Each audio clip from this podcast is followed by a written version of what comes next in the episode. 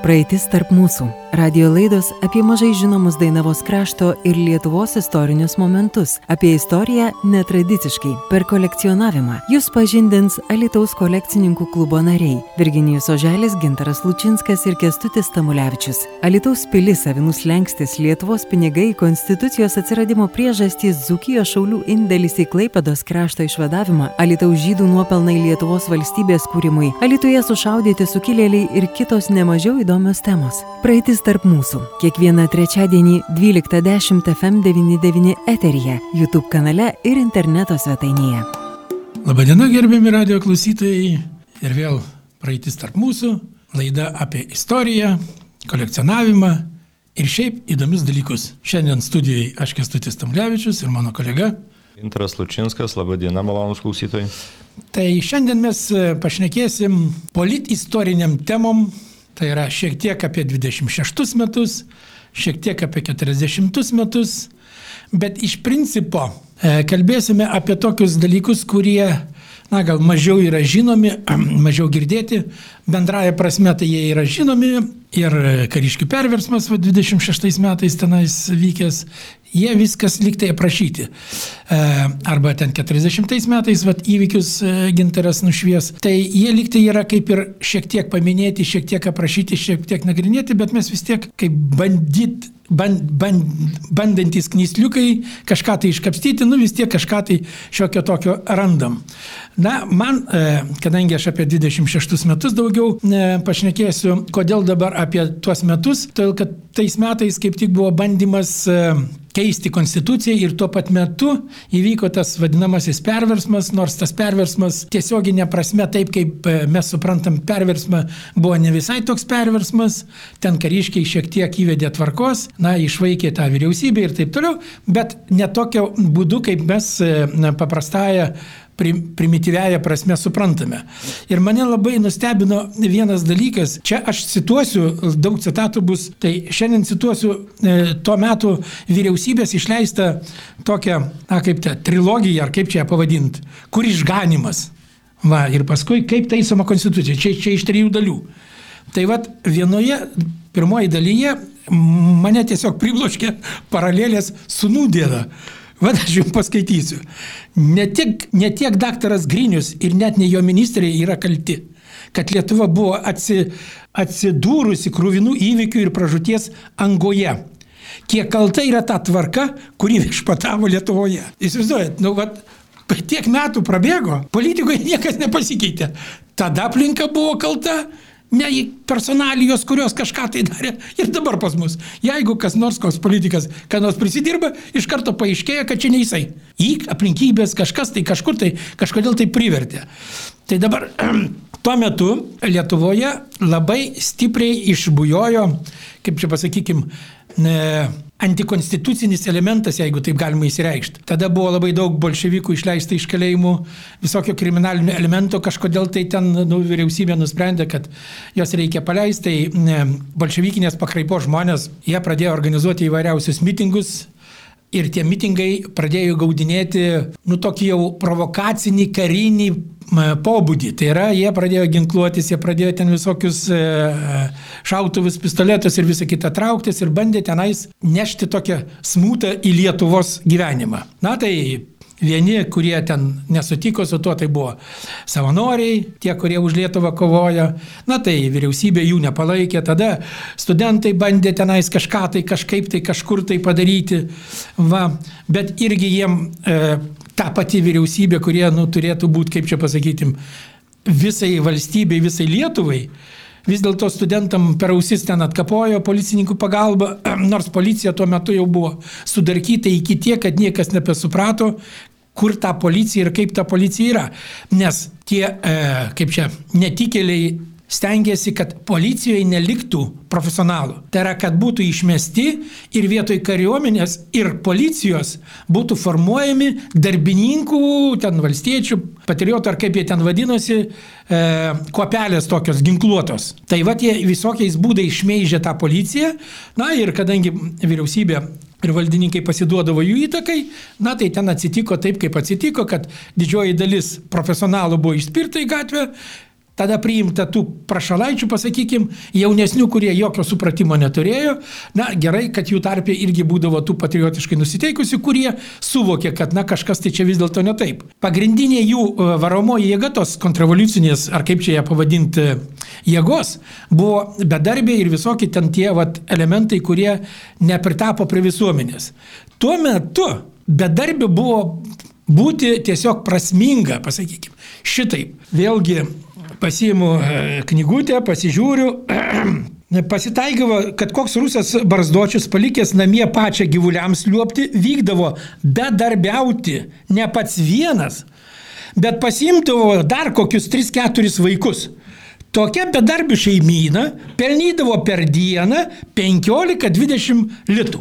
Tai tada dirbantys žmonės, matydami tokią, nu kaip čia pasakykim, ne visai, nu padorų elgesį, tų bedarbių atžvilgių, kad juos ten šaria maitina, nors jie nėra tikrieji bedarbiai, pradėjo maištą kelt, kad reikia kažkaip tai nu, atlyginimus kelt. Štai čia va tada išmintingi žmonės ir aiškina, va ir šitoj knygutėje, šitose, šitoj trilogijai vadinamoji, aš ją taip vadinu, tai e, pradėjo aiškinti, kad streikas geras tada, kada įmonė dirba pelningai. Tada gali reikalauti iš darbdavio, kad jisai tau turėtumas iš ko mokėtų daugiau.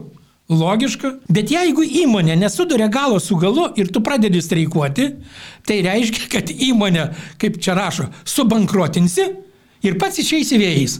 Ir žino, tai, tai veikia. Kiek ten veikia, kaip ten veikia, nu, bet čia yra pavyzdžių, kad e, pasirodo, nu, žmonės, dalis žmonių suprasdavo, bet juos inspiruodavo bolševikai kurie aiškindavo, kad visi buržujai yra tautos priešai, juos visus mes va nugriausim, išaudysim, išgaudysim ir ten susitvarkysim, tai tas buvo.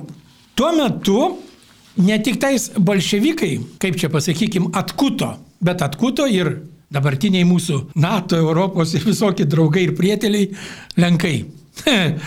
Va, be ironijos, iš tikrųjų jie ten buvo per daug atkutę, kadangi iki 26 metų Lietuvoje buvo 25 lenkiškos mokyklos iš viso. Suprantat? O per e, metus nepilnus, nuskaitykim, gal dviejus, taip maždaug taip, taip, Lietuvoje atsirado 70 papildomai. Ir finansavimą jos gaudavo ne iš čia, ne iš Lietuvos, bet iš ten. Kaip bolševikai negaudavo irgi čia, nu kiek bedarbiai ten visi tie smut, smutos kilėjai, ten tie visi gaudavo tas bedarbystės, bet gaudavo iš interno, e, kominterno to vadinamo, socinterno, kominterno ten iš Maskvos tos pinigus, tam, kad jie čia galėtų kelti erzelį. Nu tai čia vėlgi ne viskas dar. Ne tik tais lenkai nepatenkinti, tai yra pretenzijas reiškia. Reiškia ir vokiečiai. Jie irgi, kad Klaipėdos kraštui būtų skiriama kuo didesnė dotacija. Tai išsimušė 6 milijonus 600 tūkstančių. Na, vėlgi, iš kitos pusės pagalvoju, nu gal ir nieko, kad tenais tam kraštui, visa kita, bet tikslai taigi buvo irgi aiškus, kad čia ne broliškai Lietuvai, taip, o broliškai Vokietijai kažkaip tai. Tai vad, tos trys jėgos iš tikrųjų turėjo poveikį vyriausybei labai didžiulį. Kadangi tai buvo koalicinė vyriausybė ir tauti, vadinamos tautinės mažumos turėjo tos, turėdamos 13 balsų, 13 balsų. Jos tenais galėjo daryti kaip nori. Nu, tai yra šokdino. Arba tu šitaip darai, arba tą viršininką išmeti, arba tu dar kažką tai ir tada mes, nu, ką darysim, mes tave palaikysim. Jeigu ne, nu, tai su tavim bus blogai. Na, tai žinot, kad tuo metu, kad ir buvo tų žmonių, kurie nebuvo patenkinti, kad kariškiai išvaikė visą šitą kaip tą kopelės tas visas patvarkė tenais. Bet iš tikrųjų, Lietuvos istorijos prasme žiūrint, tai buvo prasmingas veiksmas, kuris, na, išgelbėjo Lietuvą, nes tuo metu jau vakarų Europoje buvo opinija, kad Lietuvą vėl bus galima pasidalinti. Į Lietuvą netgi buvo atvažiavę italai, pasižiūrėti, kas čia darosi natūroje, kokį gabalą, kas čia kur nuplėš. Įsivaizduojat? Tai vadinasi, valstybė kaip ir yra, bet faktiškai jinai tokia valstybė, kad nebeaišku, ar jinai valstybė. Na tai buvo toksai, nu, laikas. Kodėl dabar vėlgi, kaip čia viskas pasidarė? Tai e, po steigiamojo Seimo ten per trumpą laiką Lietuvoje buvo trys Seimai. Trys Seimai. Man čia vėl reikia koliorus nusimti. Kad nenugrybaut. Tai pirmam Seime buvo 78 atstovai, paskui antram 78, o trečiam 85. Tai e, dviejuose Seimuose buvo e, 2, 4, 6, 8, 9 partijos. Taip, o paskutiniam jau 2, 4, 6, 8, 11. 10, 11. Nu, kaip sakant, gerėjantis gyvenimas reikalauja, kad politinės jėgos būtų arčiau, nu kaip čia, valdžios. Aš nesakau, kad lovio, ne. Arčiau valdžios.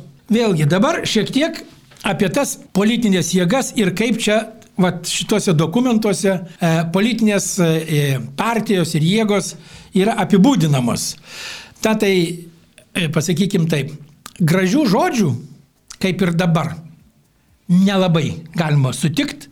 Nu, jeigu kultūringai, tai jie stengiasi čia taip jau rašyti ne visai įžeidžiančiai, bet prasme aiški. Nieko gero iš politinių jėgų nėra. Ir argumentai. Pradžiai. Jeigu politinė jėga pakliūna į valdžią, tai tuomet politinė jėga visose įmanomose vietose stengiasi pasodinti savus. Kuo skiriasi nuo dabartinių laikų? Niekuo. Vienas prie vieno. Bet čia ir kelia klausimą. O kokie žmonės ateina į politiką? Va ten ir rašo, kad ateina tokie taip, kurie kompetencijos net vienoje srityje vos vos turi, o jie imasi spręsti dar kažkur tai kažką tai kažkaip tai.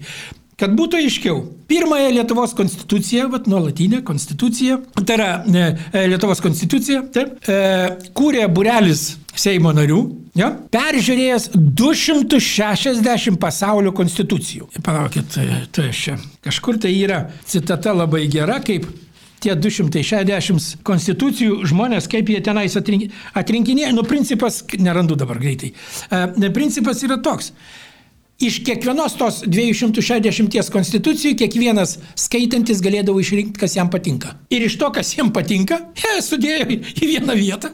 Dėl to ir gavosi toks jovalas, kuris nu, niekam buvo, kaip čia, nerealizuotinas. Ir dabar aiškinama, kodėl reikia tą e, 22 metų konstituciją reikia keisti. Kodėl? Todėl, kad joje atsirado tokių dalykų, kurie jau vėlesniais metais buvo nepriimtini. Ir Vėlgi argumentus paaiškina, kodėl, ne šiaip savo, kad išmetam ir viskas. Tol, kol buvo nepaprastoji padėtis ir visa kita, daugybė konstitucijos nuostatų negaliojo. Beje, tuo metu Lietuvoje 21 metų galėjo balsuoti. Taip? Ir 25 galėjo kandidatuoti. Tai vėliau jau suprato, kad gal čia biški pagrybavo ir bandė pakeisti jau į vyresnį amžių. 25 ir 30 metų. Na, bet vėlgi, čia žiūrint į šitos laikus, mes dabar jau ir 18 galim balsuoti, jeigu aš teisingai prisimenu. Ja, tai čia, nu, kas kaip, koks požiūris yra. Nors tuo metu, kada pas mus buvo 21 metai, tai va yra pavyzdžiai, čia išdėstyti pavyzdžiai, kad tuo metu tai mes buvom vieni iš tų taip, progresyviausių, kurie ten buvom kažkur tai priekyje, o kiti ten vilkosi su 25, 27, nu ten kas kaip. Va, bet iš principo požiūris į savo gyventoją, na, jis buvo šiek tiek pakitęs, kadangi politinės partijos davė pretekstą, na, kad vis dėlto nėra jos labai tokios kaip čia. Demokratijos nešėjos. Tai yra tik tais kaip instrumentas kažkoks tai, kaip kažkas tai. Bet iš principo tai yra labai sudėtingas dalykas, nes į partijas, kaip ir rašoma, apsišvietę, įsilavinę, kompetitingi, neėjo. Todėl, kad jie tenais, tarp daugumos tų mažai raštingų, turėdavo tylėti. Nu, tu gali straksėti kiek nori. Nu, mes pavyzdžiui, pavilonės, taip. Tu iš tikrųjų geras diplomatas, matosi, kad įsilavinęs, kad kietas. Nu tai partija jam greit paaiškino, kur grybai auga, kada jie neauga, viens, du, viskas, dabar nuodėmės išpirko, rekolekcijas ten užpirko, ką jis ten padarė, nežinau. Nu, pažiūrėsim, ar ilgam. Nes aš nemanau, kad žmogus gali ilgai ištverti būseną, kuri vadinasi nu, spaudimas, presas iš aplinkos. Tai vad, politinė prasme, konstitucijos keitimas, kaip pateikiama, būtų labai prasmingas. Kaip gyvenime būtų buvę, na tai čia būtume pasižiūrėję, nes tie pasikeitimai ne visi įsigaliojo. Na ir trečioji dalis va šitos trilogijos yra jau konkrečiai visiems, kurie galėjo skaityti ir kurie galėjo perpasakoti kitiem. Tai jau papunkčiui tiesiog vat, įmamas punktas ir rašoma. Vat mes pakeisime tą. Vat pavyzdžiui, Seimas. Toji konstitucijos dalis, kur kalbam apie Seimą, yra pataisoma taip. Sumažinamas Seimo narių atstovų skaičius. Beje, tuo metu buvo pasiūlyta, kad dikaduonių galėtų būti tik tais 40. Tai yra 60 tūkstančių vienam Seimo nariui. Tai kadangi tada buvo 2 milijonai su kažkiek tai, tai primetė kad 40, nes tu 80 ten šert ir niekaip nesupranta. Ir ten motyvas, beje, yra vienas toksai įdomus. Mažesniai kompanijai galima geriau susitart. Nu tai iš tikrųjų, nu, čia perkeltinė gali prasme žiūrėti, gali tiesioginė prasme žiūrėti, bet iš principo. Tai, va, toliau iš toj daly apie Seimą jie pakeliamas rinkikų ir renkamų į Seimą atstovų amžius. Nu, jau aš sakiau, kad nuo 21 iki 25, tada Seimą norėjo rinkti penkeriem metam. Buvo siūlymas. Ir iš karto naujam va, šitose pataisuose aiškiai nustatomas Seimo posėdžiavimo laikas. Tai yra po tos tris mėnesius, kaip ir dabar. Tai bet aš pats savo, čia aš pats savo primečiau, kad, vadinasi, žmonės dirba iš esmės šešis mėnesius. Kitus šešis mėnesius jie atlieka kažkokias pareigas ir už tai gauna atlyginimą. Ir gauna atlyginimą, dėl kurio jie visi skundžiasi kad jiems per mažas. Nu, aš nežinau, nu, 2000 mažiausiai į rankas. Dabar, nu, nežinau. Čia reikėtų jiem į pensininkų kokį susiva, suvažiavimą nueit, kur seneliai mačiutės paaiškintų, kaip reikia išgyventi su 200 pensijos. Nu tai gal, bet, bet abejoju, abejoju. Prie gero labai greit priprantama ir atrodo, kad mano problemas yra didesnis negu tavo problemas. Tai vad, toks išaiškinimas ir paaiškinimas na, siekių vyriausybės ir valstybės siekių, ką mes norime daryti, na, parodo gerą pavyzdį dabar. Nu, kada išeina mūsų uh, valdžia dabar į sceną, nieko nenori įžeisti. Nu, bet tos pašaipėlės, tie pigus juokeliai. Nu, šveikas, Jezo Marija, jis ten grabe šešis kartus jau turbūt apsivertė.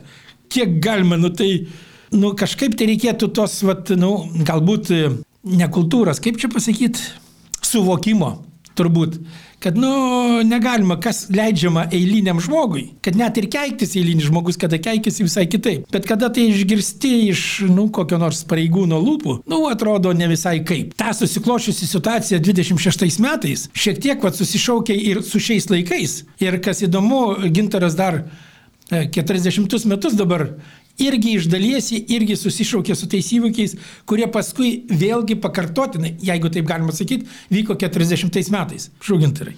Ačiū. Papildant kestučio įdomų pasakojimą, galima pridurti, kad po 1926 m. gruodžio perversmo buvo surasti ir iešmininkai, ir kaltininkai, tai būtent keturi tie vadinami komunarai, kurie labai greituoju būdu buvo ištardyti, nuteisti, sušaudyti be jokių apeliacijų ir, panašiai. Tai tarkim, komunistinis arba tas vadinamas bolševikinis e, pogrindis buvo šiek tiek prislopintas, e, tačiau istorija sukasi sukasi laiko spiralėmis ir klostantis geopolitinėms visoms situacijoms.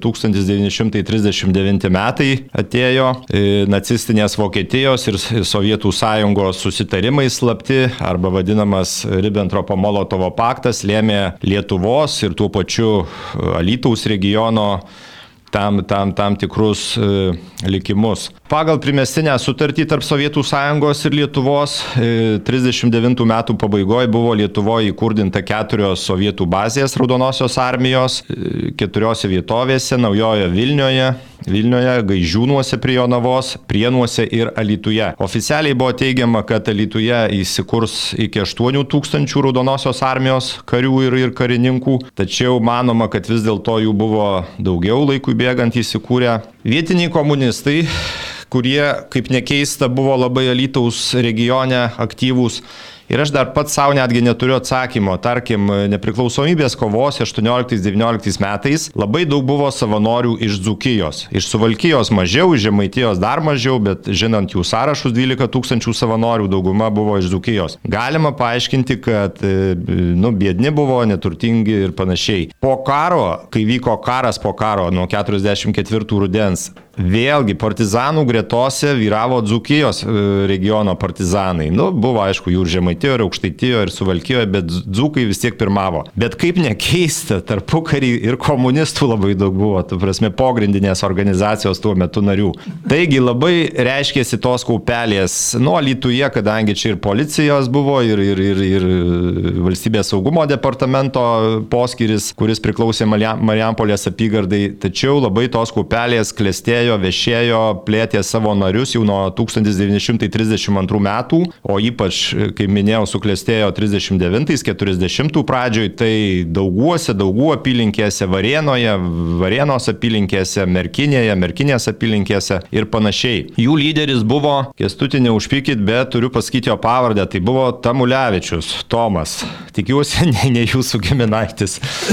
Tai irgi vat, dabar dabartiniai istorikai randa sąsajų, kad jis gaudavo atlygį iš, iš Sovietų sąjungos arba iš Kominterno, kadangi nuo 30 metų jisai atsipūtęs buvo, litai pasi kišenėse netilpo, pietaudavo restoranuose, turėjo jauną žmoną ir panašiai. Bet vėlgi, tuometinis Lietuvos saugumas tai buvo išplėtoję savo agentūrą, kad nu neįmanoma papasakot. Pavyzdžiui, informaciją teikė Tomo Tamulevičiaus tikras pusbrolis. Jis buvo užverbuotas, bet jis ne šiaip užverbuotas, jis gaudavo atlyginimą, jis ne, nu, ne šiaip informatorius, buvo galima pavadinti nu, kaip darbuotojas. Kitas pavyzdys, tarkim, Makniūnų komunistus labai sėkmingai kontroliavo, nu, manau, daugeliu žinomas, e, ilgai, ilgą amžių nugyvenęs kraštotyrininkas Vladas Ulčickas. Aš esu vartęs jo baudžiamą bylą, jis areštuotas buvo 40 metų rudenį, po to dar, dar, dar po karo dar kartą areštuotas buvo. Tai įdomumas buvo tame, kad kai atėjo tarybų valdžia pirmą kartą į Lietuvą, nežinau kokiu būdu, bet tuo metinis NKVD e, buvusį VSD tarnautoją Kausteklį jį taip prispaudė, kad jis ne tik davė parodymus prieš savo buvusią agentūrą, bet netgi atidavė, nu, parodė NKVDistams e, algų išmokėjimo lapelius. Ir, pavyzdžiui, pagrindiniai įkalčiai prieš Vladą Ulčicką buvo va, tie, tie, tie dalykai. Jos slapyvardis agentūrinis buvo Stipinas. Tarkim, po karo buvo toks partizanų vadas, bet aš čia manau, kad su, su, su rato sistema tas Stipinas susijęs pavadinimas ir gaudavo nuo 30 iki 35 litų, nu tai tarpu karį, sakykime, nemaži pinigai buvo. Bet įdomumas tame, kad Vladas Ulčickas buvo ir Šaulių sąjungos narys, ir, ir nu, patriotas vis tiek, kalbėkim kaip norim. Ir prie daugų buvo, tarkim, vieno aktyvaus komunistėlio mylima žmona užverbuota. Nu, supraskim, susirenka, vad, kopelės vyrai 20, nu kaipgi be užkandos, kaip be išgerimo, ta šeimininkė šeimininkauja, bet jinai matyt turėjo gerą atmintį, kad visi, visi, visi jos pranešimai nuguldavo Alytuje ant, ant stalo. Taigi, Alytaus tie vadinami komunistėliai, vadovaujami jau buvo paskirtas nelegalios komunistų partijos Alytaus apskrities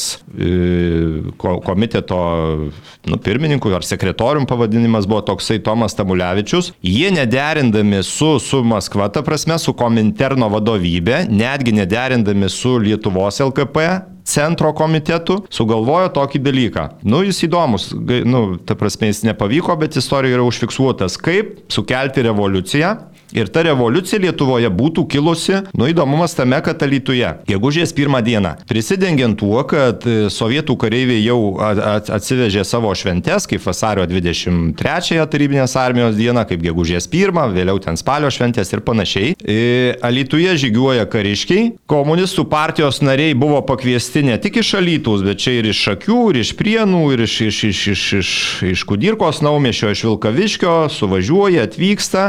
Tuo pačiu metu dar vyksta mitingai rimti, kad nukreipti Lietuvos policijos dėmesį dauguose, merkinėje. E, apsiginkluoja e, pistoletais, tarkim, ar ne, kaip pražygiuoja kariškiai e, komunistai prie jų prisijungia, jeigu policija rodo kažkokius, nu, bando juos ten atskirti nuo, nuo kariuomenės, tada jie atlieka keli šūvius, prisiglaudžia greitai prie, prie kareivių ir policija analogiai, nu, negalėsgi šaudyti, nu, logiška ta prasme. Bet vėlgi, jie komunistai prasiskaičiavo tokį dalyką, kaip minėjau, jie su niekuo nederino, labai rodė tokią, nu, kaip sakyti, bereikalingą iniciatyvą, kuo greičiau nuversti tų buržujų valdžią, daryti perversmą, po to plėsti į Prienus, į Marijampolę, galiausiai į Kauną, bet Sovietų sąjungos ir politinės, ir karinės vadovybės buvo visiškai kiti, kiti tikslai. Ir tuo metu Lietuvos saugumas, kuris, kaip minėjau, turėjo tokią didelę agentūrą, tame tarpe ir, ir aptarnaujančio personalo, nes nes jeigu kalbėti apie lytų, tai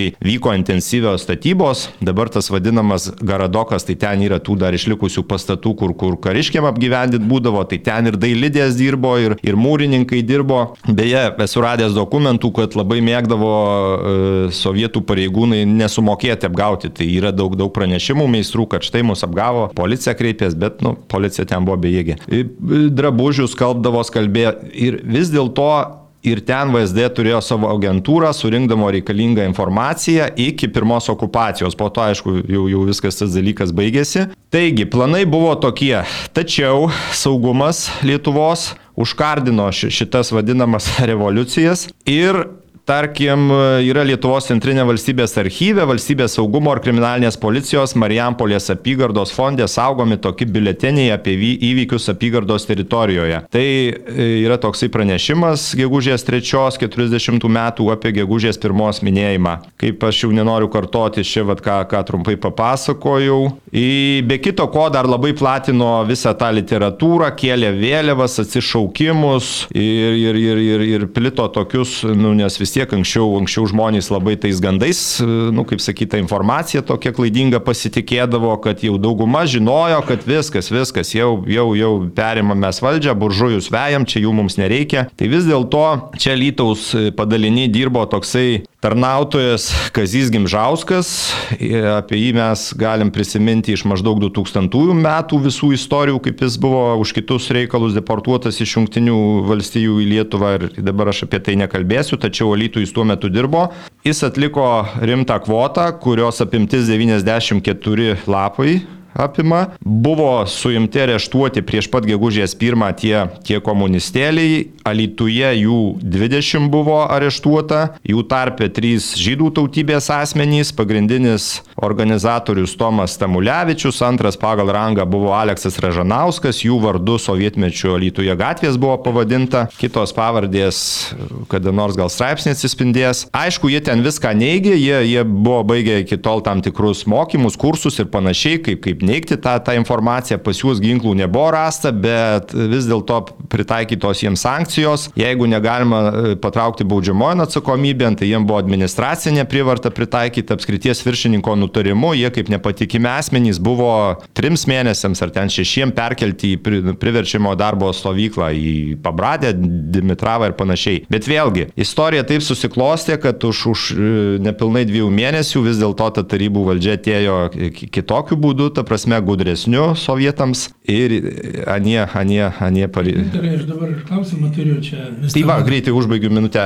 Buvo paleisti, gavo aukštas pareigas, Tomas Tamulevičius buvo rimtas, rimtas viršininkas ir, ir nu, prie tarybų valdžios. Dabar dar toks dalykas, radęs tokį VSD irgi apibendrinimą, nes tie bileteniai ne tik surinkta informacija, ją dar filtruodavo, ar tai patikima, ar tai gandų lygio, ar tai jie reikia vadovautis, ar tai ją perduodavo jau normaliem tyrėjams, kad jau, jau baudžiamai persikėjimą pradėtų. Taigi yra užrašyta tokia mintis, kad e, Raudonosios armijos kariškiai su vietiniais komunistėliais neprasidėjo, nematė reikalo, nes stovi gražus pastatas ir kam huliganui daužyti pirmo aukšto langą, jeigu jis po savaitės turi ketinimų užimti tą visą pastatą. Tai vad buvo sovietų tokie visiškai kiti dalykai. Beje, Tomas Tamulevičius ir jo tas visas aktyvas, vėliau, kai atvyko instruktoriai iš centro komiteto, gavo nemažai pylos, kad čia jau užsiemė saviveiklą. Ir, ir va, toks istorinis faktas, nu, kad ir neigiama prasme, bet šiek tiek garsino alytų. Taip, prašau, kėstų. Aš dabar būtinai noriu paklausti, tiek ne, daug istorinių įdomybių atsirado, giminių pasirodo, kuriuo aš net nežinau, nesvarbu. Tai kuo jie baigė savo, kaip jie baigė savo gyvenimą, šitie aktyvistai?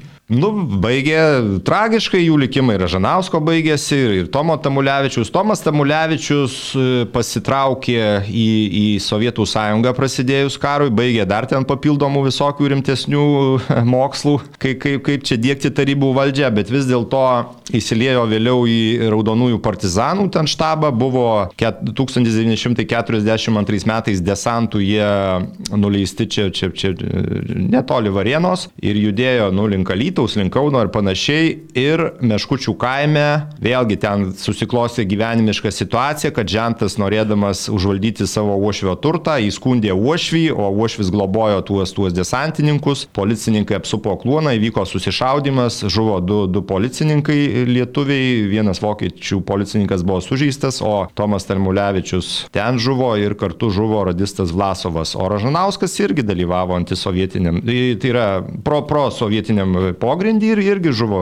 Matot, kaip yra istorikai, istorijos knysliukai, kiek visokių įdomybių iškapsto. Tai dabar man reikės, kadangi gintaras čia mano bendra pavardė, šečkavojo nuo ryto iki vakaro, tai man dabar reikės pasiknys kokį Lučinską surast, kad jam atkeršyti, ar kaip šiandien padaryti. Na, bet čia aš aišku juokauju, istoriniai faktai yra istoriniai faktai, žmonės iš tikrųjų tokie buvo, tik patikslinsiu, e, e, Tamulevičiaus nebuvo gatvės, tik tiltas buvo. Ražnausko gatvė buvo, o tiltas tik tais buvo. Jam kažkodėl tai mažiau garbės davė. Matyti, ne tiek buvo prieš, bet vis tiek š. Nu ką padarysi, toks laikas. Taigi šiandien tokia įdomia gaida tyrinėjimo laida praeitis tarp mūsų baigėsi. Viso gero visiems, sėkmės. Viso geriausio. Praeitis tarp mūsų. Radio laidos apie mažai žinomus Dainavos krašto ir Lietuvos istorinius momentus. Apie istoriją netradiciškai, per kolekcionavimą. Jūs pažindins Alitaus kolekcininkų klubo nariai - Virginijus Oželis, Gintaras Lučinskas ir Kestutis Tamulevičius. Alitaus pilis Avinus Lenkstis, Lietuvos pinigai, Konstitucijos atsiradimo priežastys, Zukijos šaulių indėlis į Klaipados krašto išvadavimą, Alitaus žydų nuopelnai Lietuvos valstybės kūrimui, Alituje sušaudyti sukilėliai ir kitos nemažiau įdomios temos. Praeitis tarp mūsų. Kiekvieną trečiadienį 12.10 FM99 eteryje, YouTube kanale ir interneto svetainėje. Projektą dalinai finansuoja Lietuvos kultūros taryba.